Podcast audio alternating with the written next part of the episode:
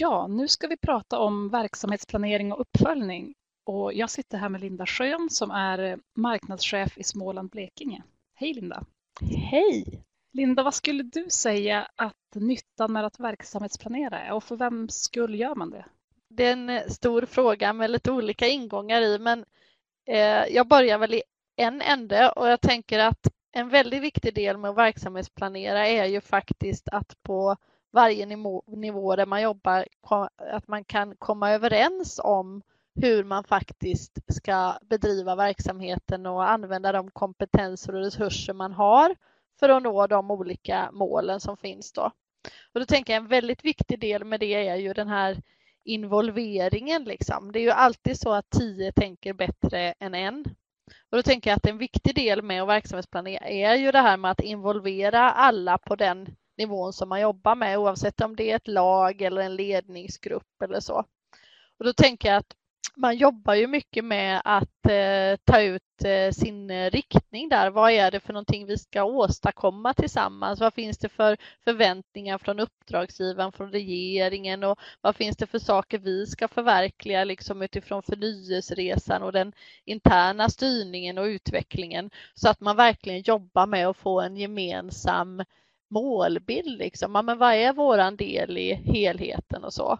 Och då tänker jag att det är ju det som sen avgör då att man kan tillsammans komma överens om hur man ska jobba och använda sin arbetstid och alla resurser vi har för att faktiskt styra mot det så att det både blir liksom någon eh, kundnytta i slutändan och att man klarar de här olika uppdragen som man har. sen tänker jag också att det är en väldigt viktig del också för eh, som, för en själv som medarbetare om man tänker på det här med arbetsglädje och arbetsmiljö då.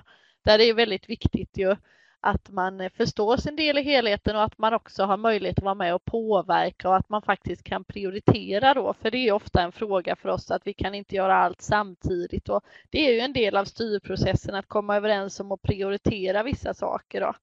Då tänker jag också mycket på den här eh, senaste AFSen som vi fick från Arbetsmiljöverket om den här sociala organisatoriska ohälsan och de nya AFSarna kring det. Och det tänker jag också är en jätteviktig del som man kan omsätta där, att man verkligen kan bli överens om, ja men vad är det för några förväntningar som finns på mig och mitt lag och har jag kompetens och resurser för det när det gäller de här organisatoriska delarna men också Eh, de sociala delarna, att funka mitt arbetslag och hur ska vi jobba och fördela uppgifter och hur ser våra samarbete ut så att man får den här påverkan, arbetsglädjen men också får den här eh, styrningen att fungera så att man ser att allt det här energi, ambition, arbetstid man lägger in faktiskt att man kan se att det leder till en, en större nytta både för en själv och för olika kunder men också för uppdragsgivaren för man når olika mål och så. Så jag tänker att det är en, eh, ja, den, kan, den har otroligt stor påverkan på flera olika